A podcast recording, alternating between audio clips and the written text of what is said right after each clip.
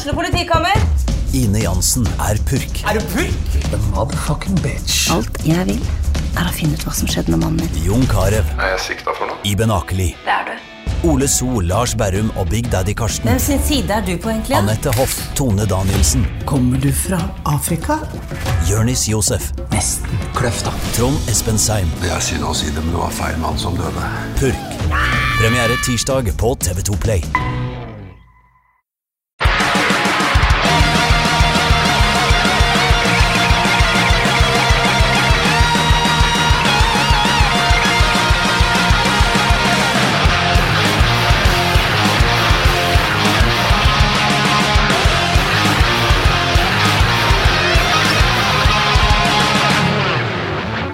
Hei, og velkommen til en ny episode av Debrif med Dag. Her er klokka kvart over tolv på torsdags formiddag, og eh, jeg skulle ha gjort det her for lenge siden. Det som skjedde var at jeg sto opp klokka syv, jeg fikk Sander av gårde på skolen, jeg tok Morty ut så han skulle få gjort ifra seg. Eh, han nekta jo å drite, vanligvis så driter han på morgenen, men eh, denne gangen så, så satt det langt inne, så det var jo x antall ekstra runder rundt blokka før, eh, før han tømte tarmen. Men eh, det ordna seg til slutt, så tenkte jeg vet du, jeg legger meg ned på én time. Én jævla time nøyaktig, og så står jeg opp og, og starter denne dagen på ordentlig. Eh, men selvfølgelig, jeg slumra vel fire ganger, femminuttersslumring på telefonen. Jeg gjorde vel det fire ganger før jeg bare sovna av og våkna opp for eh, ikke lenge siden. Så jeg er på alle måter eh, på etterskudd, men det setter jo humøret for, ja, for, for resten av dagen, egentlig. Men jeg er gått ned i min fjerde kopp kaffe allerede. Jeg har fått bladd gjennom, bladd gjennom avisa. Og eh, jeg må vel nesten starte først og fremst med å eh, gratulere Greta Thunberg som eh, Time sin eh, Person of the Year. Nøyaktig 70 år etter at Stalin var Time sin Person of the Year. Tilfeldig? Mest sannsynlig.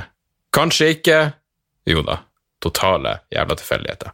Men som så mange andre, med det samme jeg så at hun hadde, hadde blitt um, forsidepike på Time, så tenkte jeg selvfølgelig vent Hitler ble jo det også. Så fant jeg ut at Hitler ble det i 38, og så la jeg ut et bilde av Greta Thunberg eh, på Time, i, i Time på Time, på Time for sida, og så fant jeg det, eh, det coveret fra, fra 38 med Hitler. Men jeg skjønte jo at mange kom til å ta, bruke det jævla poenget. Så jeg skrev eh, 'Kom jeg Resett' i forkjøpet. For jeg tenkte meg de er, de, de er den typen eh, såkalt nyhetsformidler som eh, så kan bruke det der eh, på en ikke køddete måte, helt seriøst. Men da undervurderer jeg jo selvfølgelig folk der ute på sosiale medier. For det skal det jo sies at de fleste tar jo den åpenbare kødden, og kødden er jo 'Kom jeg Resett' i forkjøpet. Allikevel så er det mennesker der ute som, som, som føler for å google hva det egentlig vil si å være Times in person of the year, og informere meg om at det betyr ikke at du er et bra menneske, og Hitler vant det bare fordi han hadde hatt stor påvirkningskraft og vært en viktig person i verden, det betyr ikke at han er et godt menneske, og du kan ikke sammenligne han og Greta på den måten, for de er ikke Jeg vet det, for helvete! Jeg fuckings vet det. Og utelukkende sånn jeg klikker meg inn, fordi jeg, jeg blir så jævla fascinert, enten det er Facebook eller Twitter, når, når, når folk er så så eksepsjonelt klinisk hjernedød, så blir jeg såpass fascinert at jeg må klikke inn på profilen. Og uten unntak så er det folk som er, har klima i profilen sin. Hvordan kan du være så Hvordan er du i stand til, å leve et selvstendig liv? Hvordan, hvordan, det er en ting at du, at du klarer å, å, komme deg opp morgenen. Hvordan går du i nettbanken? Hvordan forholder du deg til den kompliserte verden vi lever i? Hvordan opererer du på denne planeten hvis du er så inn i helvete stokk fuckings dum at du ikke skjønner at det er en kødd? Jeg må bare gratulere alle som totalt misser poenget. Det, de gjør jo bare at jeg ber til en gud som ikke finnes, om en, om en uh, umiddelbar uh, klimarelatert holocaust. Dette er liksom de menneskene som skal være uh, eksempel på at menneskeheten er verd, verd å bevare. Fy faen, altså. Det er helt jævla utrolig. Poenget mitt var Ja, poenget er åpenbart. Poenget er fuckings åpenbart. Jo, jeg sammenligna selvfølgelig Greta og Hitler. Å, fy faen, jeg er så glad at Hitler ikke hadde asperger. Tro hvor, hvor effektiv han ville vært da. Det er helt utrolig. Jeg har forresten skrevet til Marie Simonsen på, på Twitter skal vi se, hva heter den Hun skrev jo en, eh, en hyllest til Greta, som, som, er helt på sin plass. Skal vi se her Ja. Eh, Marie Simonsen skrev eh, Greta Thunberg er årets person, en gave til vår tid. Men her var det jeg hang meg opp i. Eh, fordi Marie Simonsen skriver nemlig blant annet Unge Greta er slett ingen emosjonell tenåring, men bygger aksjon på dokumenterte funn fra verdens ledende klimaeksperter i FNs klimapanel. Det er grunnen til at hun blir lytta til og har gjennomslag. Hun er en formidabel formidler av vitenskapelige fakta. Et budskap som verdens ledende klimaeksperter har slitt med å popularisere og nå fremme. Ok, greit, jeg tar ingenting ifra Greta her, men er alt hun sier, virkelig bygd på dokumenterte vitenskapelige funn? Så det jeg spør Marie Simonsen om, jeg har ikke fått noe svar ennå, er hva hun syns om eh, det, det, skriveriet som Greta Thunberg var medforfatter på, som var um, publisert 29.11., som heter Why We Strike Again. Uh, der står det nemlig blant annet After all, the climate crisis is not just about the environment. It is a crisis of human rights, of justice, and of political will. Colonial, racist, and patriarchal systems of oppression have created and fueled it. We need to dismantle them all. Our political leaders can no longer shirk their responsibilities. Så mitt spørsmål er jo, er det her virkelig basert på ren vitenskap? Har FNs klimapanel prata om kolonialistiske, rasistiske og patriarkalske system eh, som vi er nødt til å, å, fjerne. Hva er det egentlig det snakk om her? Dette høres ut som du går langt utenfor det vitenskapelige mandatet, og jeg bare lurer på om Marie Simonsen er like blodrød som Greta åpenbart er. Og kanskje jeg er enig med Greta sine politiske påstander her, kanskje ikke, men det er heller ikke poenget. Det er på tide å ta en liten debatt om den underliggende politikken i det Greta Thunberg står for. Fordi, eh, ikke fortell meg at at fuckings Erna Solberg klapper og er enig med det her. Det her er jo til venstre for Bjørnar Moxnes. Uh, og interessant er det jo absolutt, men igjen, det burde være en del av debatten. Uh, og vi må slutte å si at det her kun handler om ren vitenskap. For vitenskapen er jo relativt klar. Hva man skal gjøre med den vitenskapen, er jo i høyeste grad et, et politisk spørsmål. Så, uh, så sånn er det. Men ta det gjerne ut av kontekst, og få det gjerne til å bli at jeg sammenligner Greta Thunberg med både Stalin og Hitler. Uh, og vil dere høre meg snakke mer om det her, så får dere komme på et, uh, et standup-show. Jeg står på Njø scene i kveld. Blant annet uh, en god lineup, heter det, med Martin Beyer-Olsen. Nydelige Martin Beyer-Olsen. Så, så det, ser jeg, det, ser jeg, frem til. Ellers, det var jo flere ting i nyhetene. Det første må jeg nevne, jeg satt og så, så på Hjem til jul. Eh, den Netflix-serien. Eh, veldig fin, veldig feel good. Eh, jeg kom meg ikke lenger enn episode to så langt, fordi jeg så den sammen med Sander. Jeg, fruen Sander og Morty Dog så det i lag. og så er det jo ei sexscene i episode to som begynner så uskyldig. Den begynner så uskyldig at jeg faktisk sa høyt wow, det her er jo ei den mest familievennlige sexscenen jeg noen gang har sett, for de står bare opp mot en vegg og, og koser. Det kan se ut som de bare nusser mens han heiser litt opp og ned. Men det eskalerer jo så inn i helvete. Det blir jo en av de lengste sexscenene jeg har sett siden Basic Instinct. Og det er jo all verdens eh, posisjoner, og det, det er utagerende stønning. Og det var faktisk, Den varte så lenge at jeg ble flau, og jeg innså at jeg har ikke nok barnevennlige pulevitser til å drive og bryte den flaue stillheten, fordi jeg, følte så jævlig med Sander, for jeg husker at det verste jeg fuckings visste Jeg så mye filmer med foreldrene mine, derfor jeg ble så jævla glad i film. Uh, men sexscener var jo Det var noe av det verste jeg, jeg visste. Det var så ulidelig jævla flaut. Fordi det, i få situasjoner vet man hvordan man skal Eh, for det første, sexscenen er jo unødvendig. Generelt er sexscenen unødvendig i filmer, men, men, hva man skal si for noe? Jeg vet da faen. Eh, jeg kan huske jeg så eh, Det her var på 80-tallet. Jeg så en film sammen med morsan og farsan og gudmora mi og mannen hennes, altså gudfaren min, blir det vel? Gudfaren min, wow, det hørtes hardcore ut. Uansett, Eh, de er jo selvfølgelig godt voksne mennesker, og jeg er den eneste ungen som sitter der. Og det var en film som handla om eh, sånn high school-ungdom som eh, prøver å miste møydommen. Hele, hele fuckings utgangspunktet for filmen, coveret var noen som pulte i en bil. Og det er jo flaue sexscener hele jævla tida. Eh, og det var helt forbanna ulidelig. Det var så jævlig at det har brent seg fast et minne. Jeg kan huske hvor på Ankenes eh, Jeg kan huske hvordan stua så ut, jeg husker hvor TV-en sto. Alt det der brant seg fast, fast, i minnet mitt fordi det var så ubehagelig.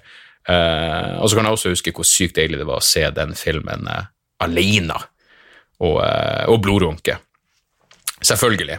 Men, men, jeg gleder meg til å se ferdig hjem til jul. Jeg, jeg, husker at jeg fikk en Det var en sånn fellesmail som ble som ble sendt ut til sikkert til masse forskjellige standup-komikere om man ville være med som uh, i en liten rolle i ei speed-dating-scene. Uh, og jeg ble jeg, jeg, var ikke med der, men det var jo masse andre komikere. Men jeg hadde sikkert fått den jævla mikropenis-rollen som Christer Torjussen fikk. Uh, ikke at jeg ville tatt Christer Torjussen sin rolle, jeg er ikke en skuespiller i det hele tatt. Men hva er det, poenget mitt er er, er Christer nå for resten av livet linka til mikropenis? Jeg vet ikke. Du skal ikke se bort ifra det. Men i hvert fall. Eh, fin feel good-serie, i hvert fall basert på de, på de to første episodene. Eh, så må jeg bare lete frem Jeg satt jo og leste Klassekampen i sted, som jeg ofte gjør.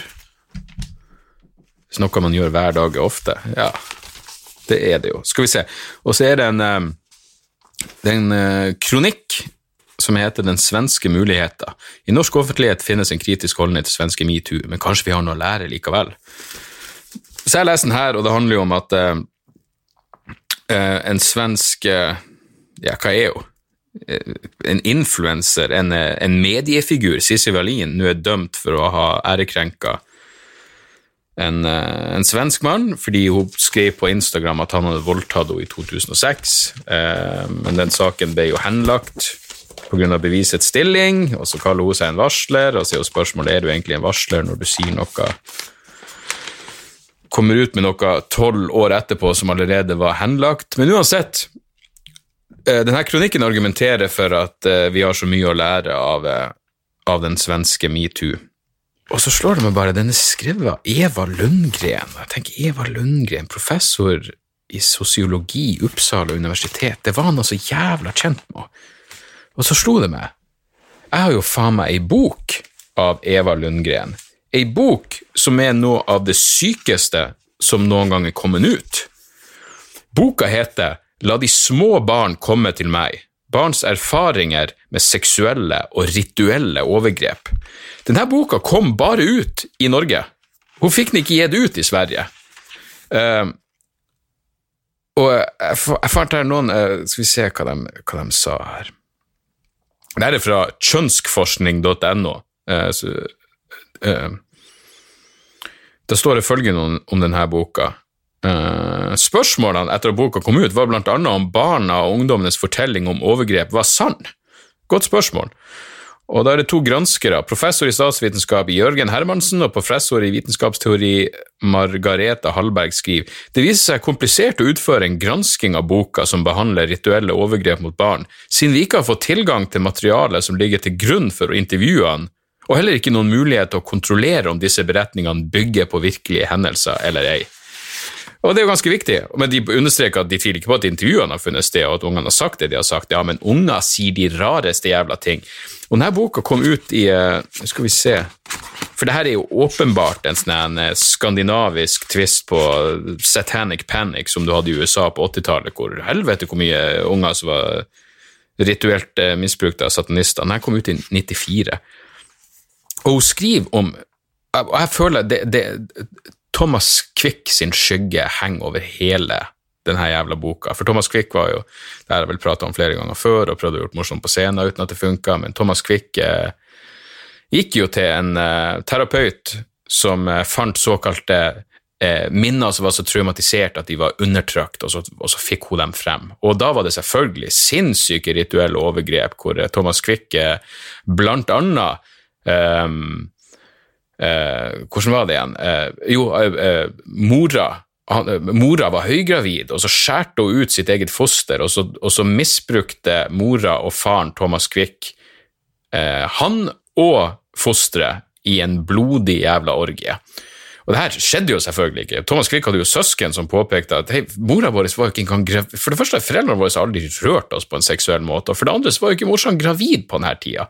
Og da fikk hun beskjed om at åh, du har undertrykt de, de minnene enda dypere enn lille Thomas hadde. Så det her er jo eh, sinnssykt, sinnssykt skadelig. Og jeg bare fant ett kapittel her i boka om eh, rituelle overgrep, satanisme eller vår kulturs hemmelige hjerte. Da står det blant annet Um, de rituelle overgrepene de har vært utsatt for, ligger hinsides din fatteevne, og kanskje den eneste parallellen du griper til for en gjenkjennelse, er vampyren. Du har sett fantasifiguren på film. Dracula suger blod og får orgasme gjennom blodfellesskapet med offeret sitt. Offeret kan også forvandles til en vampyr dersom vampyren suger blod tilstrekkelig mange ganger. I denne boka dreier det seg ikke om fantasifigurer til passelig pirring og skrekk, det var lite av det hun skrev så langt som var pirrende, men ok. Matilda og de fire ble tvunget til å bli vampyrer. Matilda forteller om orga, orgastiske ritualer knytta til ritualmord, bestialsk ofring og seksuell nytelse av døde, parterte kropper, nekrofili. Ja visst er rituelle overgrep spesielle, spesielle i anførselstegn. Jeg mener, det her er faen meg grusomme saker grusomme saker. Sverige det har faen meg vært en epidemi av sataniske drap og overgrep, og de lærer opp unger til å bli drapsmaskiner. og Det er bare så merkelig at ingen av de liksom, De drepte ungene, ingen av dem er meldt savna, og, og, det er liksom ingen andre enn Eva Lundgren som egentlig har avdekka hvor jævla mye sataniske, nekrofile, rituelle, pedofile overgrep det var i Sverige på, på 80- og 90-tallet. Men hun er åpenbart still going strong, og uh, har kronikker på trykk, på trykk, i Aftenposten og er fortsatt en, uh, en professor i sosiologi ved et universitet. Det er Jeg vet ikke hva det er. Dypt deprimerende. Skål for søta søster Sverige. Uansett, det tok jo uh, lengre tid enn jeg egentlig hadde forventa der, merker jeg. Um, men hvis vi er inne på noe horribelt faenskap som faktisk har skjedd, Baneheia-saken Jeg venter jo i spenning på å se um, om uh, Viggo Kristiansen får saken sin gjenopptatt. Det siste jeg så nå, var at um, det er utsatt til over, over nyttår, slutten av januar. Jeg håper virkelig den saken blir tatt opp igjen. Det virker bare mer og mer sprøtt. Jeg har jo prata for lenge siden om denne om den boka om Baneheia-drapene som kom ut. Jeg har ennå ikke begynt å høre på den podkasten, eh, Baneheia-podkasten, men eh, jeg ser frem til det. Jeg skal høre på den i jula. Og uh, ja, DNA-bevis, eh, ikke minst det mobilbeviset. Det, det, det er sprøtt hvis det nok en gang blir et avslag på å få, få den, den, saken gjenopptatt. Og, og igjen, det er verdt å understreke. Jeg vet ikke om Viggo Kristiansen er skyldig eller ikke. Uh, men det virker da så absolutt som om det er nok grunn til å tvile på det til at saken burde uh, tas opp en gang til. Det det derimot ikke er noen som helst tvil om, er at Jan Helge Andersen er skyldig, og han er der ute, fri, vandrer rundt. Han har gjort opp, han har sona sin straff. Uh, ja, nei, det skal bli, skal bli spennende å, å, følge. Du, En ting jeg også nevnt, glemte å nevne i forbindelse med svenske metoo og alt det der. Jeg husker jo at jeg drev og fulgte uh, Husker ikke Linnea Claesson, uh, svenske håndballspiller, som ble så sykt utsatt for seksuell trakassering og fikk så sinnssykt mye pikkbilder tilsendt at uh, hun lagde en egen Instagram-konto som heter Assholes Online. Um, Fikk eh, ja, nesten 300 000 følgere, og eh, ja Å, for en talsperson hun er. Hun var faen meg noe hun, hun fikk noe FN-rolle og kåra til fremtidens mektigste. Hun, hun, skriver fast for Aftenbladet. Hun er en Instagram-kjendis, hun er en influenser, hun er en journalist og en foredragsholder og et feministisk forbilde for unge kvinner. Sverige er over. Og så viser det seg at alt bare er fuckings bullshit. Fabrikkerte meldinger. Hun har vært på pornosider og funnet, pikkene hun har lagt ut. Det skulle forresten vært jævlig interessant å ha vært inni hodet på den som avslørte det. Den som så på pikkbildene som hun har lagt ut og tenkte vent, den der pikken har jeg sett før, og ikke i, ikke med mine, ikke i speilet, ikke i Nei, den der pikken har jeg sett før, det er jo faen meg Titi Boys sin pikk, er ikke det? Det er jo Rocco Sifredi sin pikk, og søker opp og eksponerte jeg som ren løgn. Og så, men jeg, jeg bare tenkte ok, det her har jo faktisk fått litt oppmerksomhet i svenske medier, folk vet at hun er en svindler, og så går jeg og sjekker Instagram-kontoen, like populær som alltid. Like populær som alltid. Og hun er en av de, og jeg begynte å prate om det her på scenen, det, det kommer til å bli en fin vits. Hun er en av de trutemunn-damene.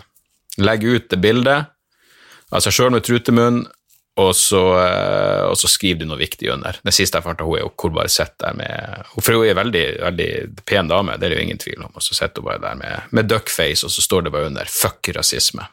Ja, det er inspirerende. Fuck rasisme. Det er det jeg tenker på når jeg ser det bildet. Så ja. Nei, sånn er det, folkens. Sånn er det faen meg. Uh, og siste nye sak Jeg følte jo uh, Forrige episode så gikk jeg jo hardt ut mot de jævla polfarerne, og så var det noen som skrev noe kritisk til meg, og så tenkte jeg ja, jeg gikk jo hardt ut på relativt tynt grunnlag, og så viste det seg jo at nei, jeg var jo altfor snill med dem. Uh, og i den forbindelse så har jeg bare lyst til å lese litt av en mail jeg fikk som bare heter Skal vi se, det er Stig som skriver til meg 'Jævla polfarere. En arktisk sikkerhetsspesialists perspektiv'. Når jeg fikk den mailen, tenkte jeg oh, fuck, nå blir jeg å få høre det. Uh, men uh, Ja, men uansett, han, han, her karen er mastergradsstudent i samfunnssikkerhet, Universitetet i Stavanger og Universitetssenteret på Svalbard. Han skriver han har nylig vært en av de første studentene ved Arktisk sikkerhetssenter ved Universitetssenteret på Svalbard. Det vil si at jeg er en arktisk, arktisk sikkerhetsspesialist og skriver attpåtil masteroppgaven min om risikovurdering rundt fremtidig shipping via den nordlige ruten gjennom Novaja, Novaja Semlja i Barentshavet. Jeg vil bare komme med en direkte uttalelse om disse polfarerne som blir fremstilt som de i konstant dødstilstand rundt polområden. Sannheten er dessverre at dette er et konstruert narrativ av verdens undergang for å få flere treff, samt promotere disse mennene. Rundt Svalbard har Norge og Russland nemlig ekstremt gode beredskapsressurser gjennom Sysselmannen, lufttransport, Kystvakten samt det russiske forsvaret gjennom beredskapsavtaler med Russland. Helikoptrene til lufttransport kunne ha redda Knoll og Tott på omtrent to timer. Istedenfor å bruke statlige ressurser har disse to sammen med VG anskaffa privat redning for å promotere seg selv og dermed føre et narrativ hvor det offentlige blir latterliggjort. Disse helikoptrene type Super Puma kan redde mennesker i forhold med opptil 60 km i timen vind. Sånn pågående stormen i området er ingen unnskyldning. Samtidig er drivstoffdepot over hele Svalbard, og, luft, og lufttransport har tidligere redda mennesker nord i Grønland via å fly fra Svalbard. Her ser vi dessverre pressens kapitalistiske overmotivasjon. Hei, høres ut som Greta Thunberg! Pressens kapitalistiske overmotivasjon i det 21. århundre, hvor clickbait er viktigere enn verdigheten til disse beredskapsaktørene, som faktisk er på vakt 365-24-7 og driver med øvelser hver dag. Det skal sies at vi ikke har beredskap til å håndtere større cruiseskipulykker her oppe, men vi har for helvete nok beredskap til å redde to skigåere med tilsynelatende full mobil- og internettdekning i et område med helt ræva dekning. Sluttkommentar. Hvis du får frostskader på nesa, har du feil finlandshete. Med vennligheten Stig Andreas Johansen. Takk for den mailen. Og det skal sies, denne mailen kom 7. desember, før eh, folk faktisk begynte å skrive offentlige, eh, offentlige uh, kronikker om for noe jævla bullshit, svada, PR-helvete hele den F-forbanna polturen var. Så, så, takk for den, Stig Andreas. Eh, det oppklarte Det oppklarte mye. Eh, tida flyger jo, for helvete. Har jeg gjort noe interessant i det siste? Eh, jeg har stort sett, Det føles som jeg bare har sett på The Marvelous Mrs. Maisel sesong tre. Fordi jeg har porsjonert det utover, eh, utover tre dager. Faen, den første runden jeg hadde hadde et sånn halvmaraton på natta. Jeg så vel fire episoder. Ble sittende og brøyt i meg altså så inni Jeg, jeg regna ut rundt 4000 kalorier. Rundt 4000 kalorier på en natt. Det var burger og potetgull og sjokolade og IPA-øl, og jeg storkosa meg nå så inn i helvete. Fikk jo selvfølgelig sove minimalt, men eh, jeg var såpass skamfull da jeg våkna opp at det var bare rett ut på en joggetur. Og nå la jeg ut eh, Jeg la ut på Instagram en sånn eh, eh, bilde. Det, det er jo ikke Det er ikke noe jeg er for vane for å gjøre, men det var bare Det, det blir jo en blanding av skam og snikskryt, eh, den runden jeg hadde tatt etter Meisel-maratonet. Og da var det flere som prøvde å, som så hva jeg heter, for jeg, heter, jeg bruker ikke navnet mitt på Strava, som er det løpeprogrammet, fordi jeg har ikke lyst til å bli fulgt, der av fremmede folk, så det var flere som prøvde å legge meg til, og jeg må bare si, jeg har ikke lyst til å jeg har ikke lyst til at fremmede, folk jeg ikke kjenner skal følge meg, fordi det gir meg ingenting. For jeg, det at jeg kan Om jeg så ser at eh, hei, Ole Einar, som jeg faen ikke vet hvem er, sprang eh, ni kilometer faen meg fire ganger om dagen en måned i strekk, flott for han. Eh, kanskje ikke så flott for hjertet hans, men flott for han, men det gir meg ingenting. Så eh, jeg vil kun legge til folk som jeg faktisk kjenner, og per nå så er det én person som følger meg, og det er min kjære manager Stian. Så, eh, så sånn er det. Men satan, det er, det er annerledes å springe nå når det er så jævla glatt. Jeg har fått i de løpeskoene med pigger, og det funker jo, men det går saktere. Helvete, det går saktere. Jeg lurer på om det, er kombinasjonen av at skoene er hardere, og tross alt, det er greit at jeg springer med pigger, men det føles ikke like trygt som som å springe på bar bakke, og jeg har mer klær på meg, og satan, jeg blir så sliten sist. Og, um, ja, så jeg, jeg har kun sprunget mandag denne uka, og jeg, jeg, målet mitt var å gjøre det etter denne podkasten, men jeg, jeg tviler. På den andre sida, Stian følger meg jo på Strava nå, så kanskje jeg burde gjøre en, en liten innsats En liten innsats av den grunn alene. Eh, Siste, eller Sesong tre av Marvelous Mrs. Maisel er for øvrig veldig bra. Eh, ikke den beste. Eh, Jeg syns det var litt for eh, Litt for mye av det samme. Jeg ville hatt litt mer fremgang, men det er én episode der. Episode Jeg lurer på om det er episode fem, hvor eh, Lenny Bruce-karakteren dukker opp, og jeg elsker han som spiller, spiller Lenny Bruce. Han spiller så jævlig bra, og det er en sånn eh, uh, Ja, den episoden er bare nydelig. Eh, ja, jeg vet ikke. Det fikk meg til å innse Det er en sånn scene hvor de bare sitter og stirrer på hverandre, og det er sånn Åh. Når Lenny Bruce sier Theo Maybe one time before I die. Hvis du ikke blir litt rørt av det, så er du Robocop på innsida. Eh, men det, det fikk meg til å innse at jeg jo hatt eh, biografien om Lenny Bruce, The Trials of Lenny Bruce, stående i bokhylla mi. Det er jo en liten murstein. Den har stått i bokhylla mi i sikkert eh, sikkert ti år. Når faen kom den ut? Den Kom ut allerede i 2002. Jeg har sikkert hatt den i ti år. 10-15 år, kanskje. Og ikke lest den, men det her fuckings serien har minnet meg på at jeg må Så den skal jeg kose meg med. Eh, The Trials of Lenny Bruce av Ronald Collins og David Scover. Så den skal jeg kose meg med i jula. Jævlig bra serie. Det er faen meg, det er ingenting som er så, så feel good som er The Marvelous Mrs. Mason. Så var jeg også eh, eh, eh, Forrige fredag så var jeg på en lukket visning av en ny dokumentarfilm, som jeg sikkert blir å prate mer om. eh, som i hvert fall blir å Jeg begynner å prate mer om den når det nærmer seg eh, kinopremiere, men jeg, men jeg fikk se en lukka visning av iHuman, som er Tonje Hessen Skei sin nye dokumentar om kunstig intelligens, og den var eh, veldig, veldig, veldig bra og jævlig viktig. Og det er jo den samme, samme damen som lagde Drone eh, i 2014, var det vel. Eh, og jeg husker jeg likte dronedokumentaren også veldig godt. Hun var gjest på Sannhetsministeriet, og jeg var med og lagde noe sånn prøvde å lage noe sånn promostunt for dem, og jeg sa hei, hvis jeg kan gjøre noe for å spre budskapet om IUMN, så så er jeg klar. Det var ganske interessant også at det var folk fra det var jo lukka visning for folk fra tech-industrien og digitaliseringsministeren og sånn. Og de, det var en sånn uh, liten spørrerunde etterpå, og det virka som mange av folkene i tech-industrien følte at denne filmen var for uh, pessimistisk og dommedagsaktig og for kritisk til, uh, til um, si, moderne teknologi og kunstig intelligensforskning. Men det som er interessant, er jo at filmen viser jo blant annet også at alle de dystopiske marerittene som vi um, Som denne filmen eh, prøver å gjøre oss bevisst på så vi kan unngå de fellene, de er jo en realitet i Kina allerede. Så, så teknologien er jo liksom der allerede, med full jævla overvåkning og facial recognition og et sosialt kredittsystem og alt det der. Så jeg blir å prate mye mer om den filmen etter hvert. Den har premier, kinopremiere i, i mars, og da blir jeg å plugge den som fan.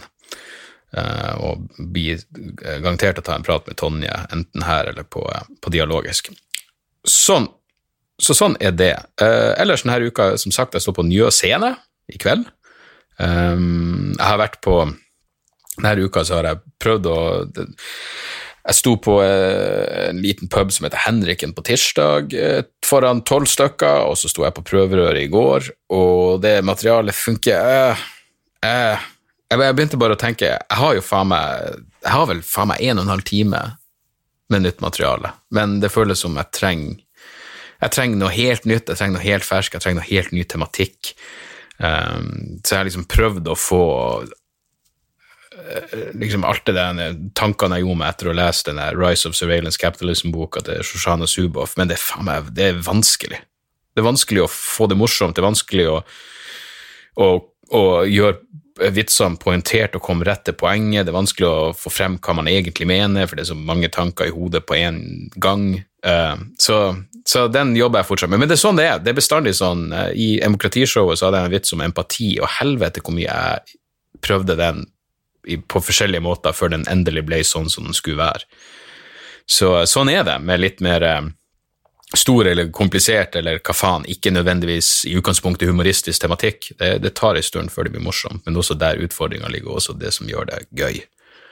Um, så, um, så, det blir noe, tror jeg, på et eller annet tidspunkt. Men jeg skal i hvert fall jobbe videre med det i kveld på, på Njø scene. Uh, så skal jeg til Tromsø i morgen og gjør den ene Det er mange som tror at alle komikere gjør mye julebord. Det er jo julebordsjobber, det er der man, der man tjener pengene sine. Ikke for min del. Jeg gjør ett julebord i år. Ett jævla julebord. Og det er stort sett der jeg ligger. Jeg ligger på mellom ett og to julebord i året. Men det julebordet er nå på fredag i Tromsø. Uh, og da er det jo selvfølgelig et, et lukket arrangement. Uh, og så skal jeg til Vennesla på, fre, på hva det blir, lørdag bare det å komme seg, den logistikken å komme seg fra Tromsø til Vennesla på en lørdag, eh, det blir en lang reise i dag, så jeg skal prøve å ta det veldig med ro i Tromsø.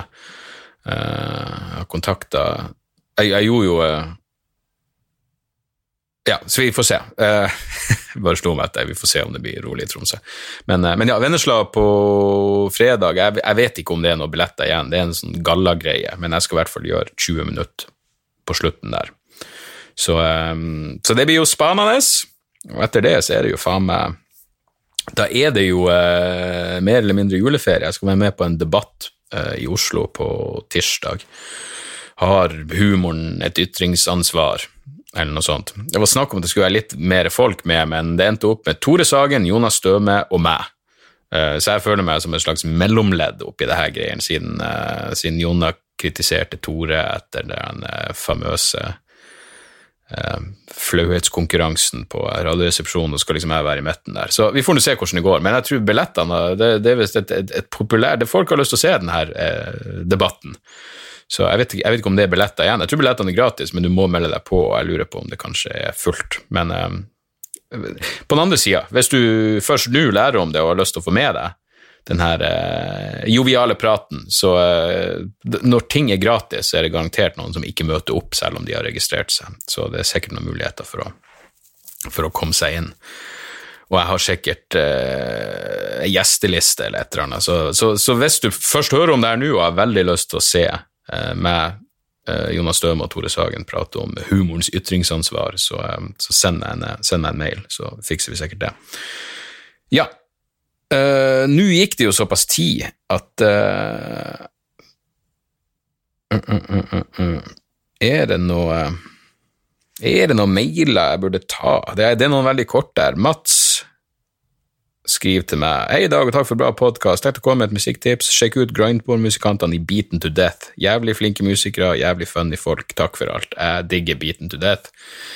jeg husker ikke hvordan jeg hørte om dem første gang, men jeg hørte om dem første gang før denne uh, Strokes, uh, X's and Strokes-skiva kom ut. Så uh, fett band. Jeg har aldri sett dem live, men de er Og det er ikke overraska over at de er funny folk også. Så, men takk for, takk for, det tipset, Mats. Nina skriver, sitter og hører på podkasten din, du etterlyser tilbakemeldinger. Ei dame på 57, digger deg og stort sett det du står for. Uh, får troen tilbake på verden og jeg hører på folk som deg. Stå på. Takk for den, Nina. Uh, vet ikke helt hvordan jeg gir noen trua tilbake på verden, men det var hyggelig å høre. Hun vil bare understreke det også, at hun er 57, så jeg har gått inn i den fella og tror at, at godt voksne folk ikke hører på denne podkasten, og der tar jeg jo feil. Og så er det en lang mail om underbevisst grusomhet. Skal vi ta den? Uh, Hei, vi er to venner som bor sammen, la oss kalle det en form for et kollektiv. Vi har kjent hverandre i over ti år og har så å si samme form for humor og pleier å herje, som man sier i nord. Men det kan, med det kan vi nokså impulsivt finne ut at vi skal kle oss ut med aluminiumsfoliehatter, etterligne filmscener et eller annet, eller et eller annet random. Dette havner ofte hos nære venner i form av Snapchat. Med andre ord, vi poster ikke hvor som helst. I helga fant en av oss halloweensminke fra forrige uke, og som halloween det er sendt 10. desember, så uh, halloweensminke fra forrige uke. Uansett, uh, i helga fant en av oss halloweensminke fra forrige uke, og som halloweenentusiaster ville vi kle oss ut en siste gang før sminken havnet i kjelleren. Den eneste av farge som var igjen, var svart, og vi lurte vel egentlig spesifikt på om vi ville bli gjenkjennbare med helt svart ansikt, men vi lo av oss selv og fant ut at vi lignet på spøkelser. Herifra tok vi på oss mørke klær og bustet til håret, skrudde av lysene og sto utenfor vinduer og ytterdører for å se skumle ut. På Snapchat kunne da venner se for eksempel et helt mørkt rom som vi dimmet opp i lys og ansiktene våre kom til syne. Et forholdsvis nytt tilskudd på Snapchat som er særdeles politisk Et forholdsvis nytt tilskudd på Snapchat som er særdeles politisk korrekt, sa til meg dere vet at dette oppfattes som blackface. Jeg svarte at ingen i vår Snapchat-liste vil oppfatte oss som rasister. Hun svarte det var korttenkt at det kunne såre minoriteter. Oh, Jesus. Vi følte oss umiddelbart ganske dumme, at vi skulle forandre hudfarge eller ligne på en annen hudfarge, var aldri i tanken. Vi var heller ikke karikerte, bare helt sort i ansiktet. Hun har ikke skrevet til meg siden, blokkert meg på Snap og Insta. Alle de andre, og da må jeg bare nevne at vi venner, at vi har venner fra alle kulturer og kontinenter som synes påfunnet var gøy vårt var gøy. Hva tenker du, hvor går grensa? Vi mener, vi mener at når man skal hele tiden definere hva som er rasisme, så drukner alvoret knyttet til rasisme. Vi føler oss nå ganske oppgitt. Ikke føl dere oppgitt i det hele tatt. Hele denne historien handler altså om at en eller annen moralposør på Snapchat påsto at det oppfattes som blackface. Og hun har Sa du at det var ei ho? Ja, eh, hun, ja svarte at det var korttenkt at det kunne såre minoriteter. Jeg skjønner folk hvor, hvor, rasistisk og nedlatende det er å si sånt. Skjønner du hvor rasistisk og nedlatende det er å, å se noe sånt og tenke oh, det her kan såre minoriteter. Det her er korttenkt. Vel, hvis hun har blokkert deg, så er du jo kvitt henne. Flott. Case closed. Ingen grunn til å føle seg oppgitt. Stå på og kos dere videre. Underbevisst grusomhet. Nei, så langt vil jeg ikke gå, min gode venn. Så uh, der løste vi jo den. Siste uh, uh, Magne Zander. Sander med Z. Jeg vurderte faktisk det, men det virka litt for pretensiøst, så vi, vi, vi, kalte Sander Sander Mass, Men han skriver jo Zander skriver til meg Hei, Dag. Jeg er ivrig lytter av både debrief og dialogisk, jeg elsker både hva du gjør alene med Gunnar. Jævla morsom er du også. Takk. Over lengre tid har jeg tenkt over lengre tid har jeg tenkt på noe jeg har tenkt å spørre deg om. Eller etter din siste episode Ideologisk der dere snakket om reisemål i utkrystallisert, utkrystalliserte spørsmål, sier Som amatør reiseblogger, verdensnerden.com Hei, nice adresse. Har jeg lurt på hva dine tanker er om mørk turisme eller dark tourism på engelsk. Du har både i debrief og dialogisk nevnt ulike steder som jeg vil kalle mørk turisme. Jonestown, Dallas der Kennedy ble drept, Tsjernobyl, du har snakka mye om Charles Manson. Uh, sist snakket dere om både Kambodsja og Kongo. Det er en fantastisk dokumentarserie om mørk turisme på Netflix som heter Dark Tourist. Sjekk også ut darktourism.com. Jeg har også skrevet et innlegg med oversikt som heter Mørk turisme. Hadde vært interessant å høre dine tanker om mørk turisme. Kunne du tenke deg å besøke et slikt sted som assosieres med mørk turisme? Håper å se deg på show neste gang du kommer til Jessheim. PS, du nevnte på debrief i sommer at du har Satan, er det mye? PS, du nevnte på debrief i sommer at du hadde begynt å se på Mindhunter sesong to, men ga alle tilbakemeldinger på hva du tenkte om serien. Hva syns du? Jeg likte Mindhunter sesong to veldig godt, og gleder meg til å se mer. Men jeg tror jeg på et tidspunkt sa til fruen det her er litt terningkast fire akkurat nå, er det ikke det? Så det er vel det jeg ville gitt sesong to. Jeg likte den ikke like bra som sesong én. Uh, men uh, kom igjen, det er seriemorder av David Fincher. Hva mer, hva mer, kan man be om? Uansett, uh, Dark jeg, jeg, begynte å se den serien, den Dark Tourism, på Netflix. Jeg klarte ikke å se på den fordi jeg fuckings hater programlederen. Og grunnen til at jeg hater programlederen, er jeg, håper jeg husker rett nå at det er den serien, men han, han treffer en uh, Jeffrey Dahmer-fanatiker, gjør han ikke det? Hvis jeg tenker på rett serie, så, så i hvert fall han her fyren han er en dark tourist, og han liker å besøke de mørke plassene, og så skal han treffe ei som er veldig fascinert av uh, Jeffrey Dahmer, og du kan dra og se hvor Jeffrey Dahmer begikk ugjerninger. Uh, og han påstår sjøl at han er veldig fascinert av Jeffrey Dahmer. Å, oh, han, ja, ja, ja, den saken, den fascinerer han. Og så treffer han nå Jeffrey Dahmer eh, hva man skal kalle det. Denne personen som da er veldig interessert i det Jeffrey Dahmer har gjort. Og så begynner hun blant annet å fortelle om noe Jeffrey Dahmer har gjort, som enhver person som kjenner til Jeffrey Dahmer, allerede vet om. Og så begynner han å lage grimaser. Uh, øh, ekkelt. Uh, ja, det er absolutt ekkelt og sinnssykt og grusomt og umoralsk ondskap. Men det her visste du vel allerede, hvis du var en sånn jævla Jeffrey Dahmer, hvis du, hvis du var så jævla fascinert av eh, av Dahmer, så har du allerede visst det her. Så en, han er jævla programlederen er en så åpenbar forbanna posør. For en jævla posør. Det minner meg litt, og det er ikke til for, forgreining eller kritikk, sånn sett, men, men Ylvis hadde en serie hvor de, hvor de møtte det er mange mange år siden de møtte sykt rare mennesker. Og jeg tenkte, det, Ylvis passer ikke til å møte de her rare menneskene. For det, det er underliggende, sånn som jeg ser det, så det ikke Det, det er liksom oh, Se på de her raringene. Få nå noen som har empati og forståelse med oppriktig sære mennesker.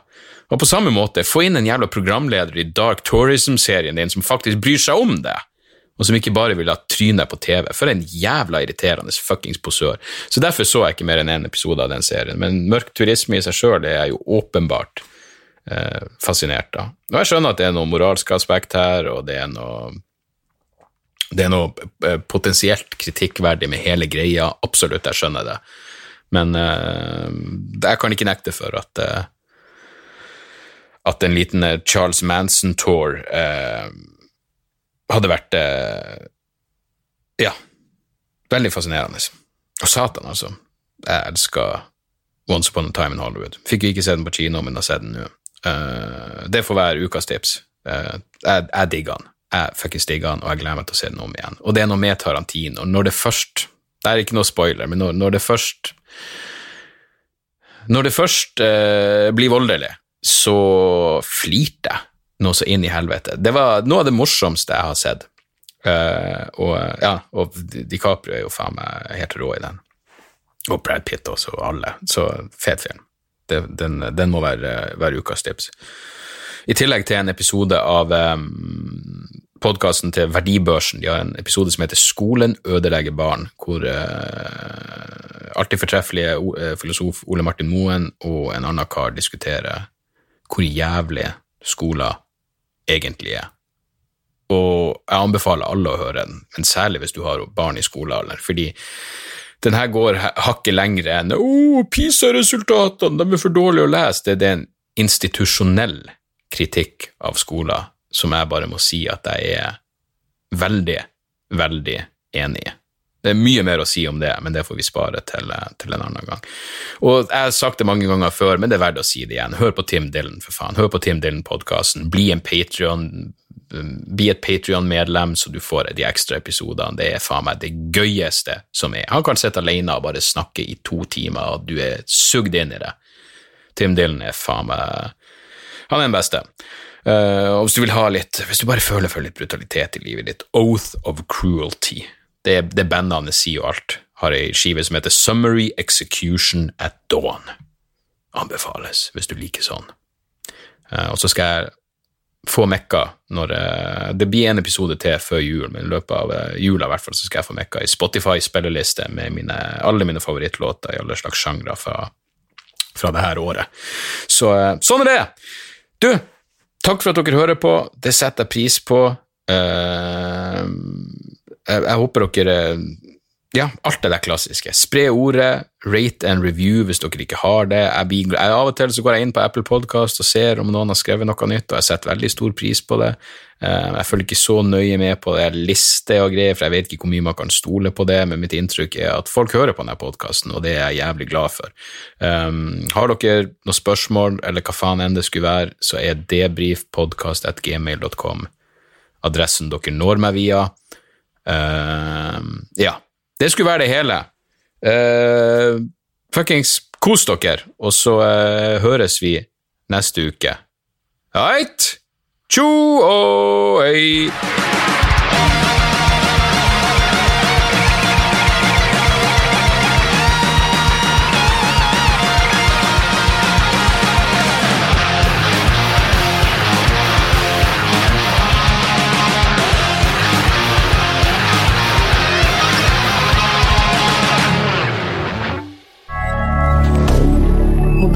Media.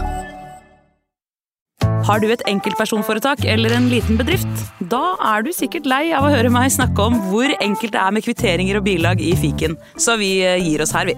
Fordi vi liker enkelt. Fiken superenkelt regnskap.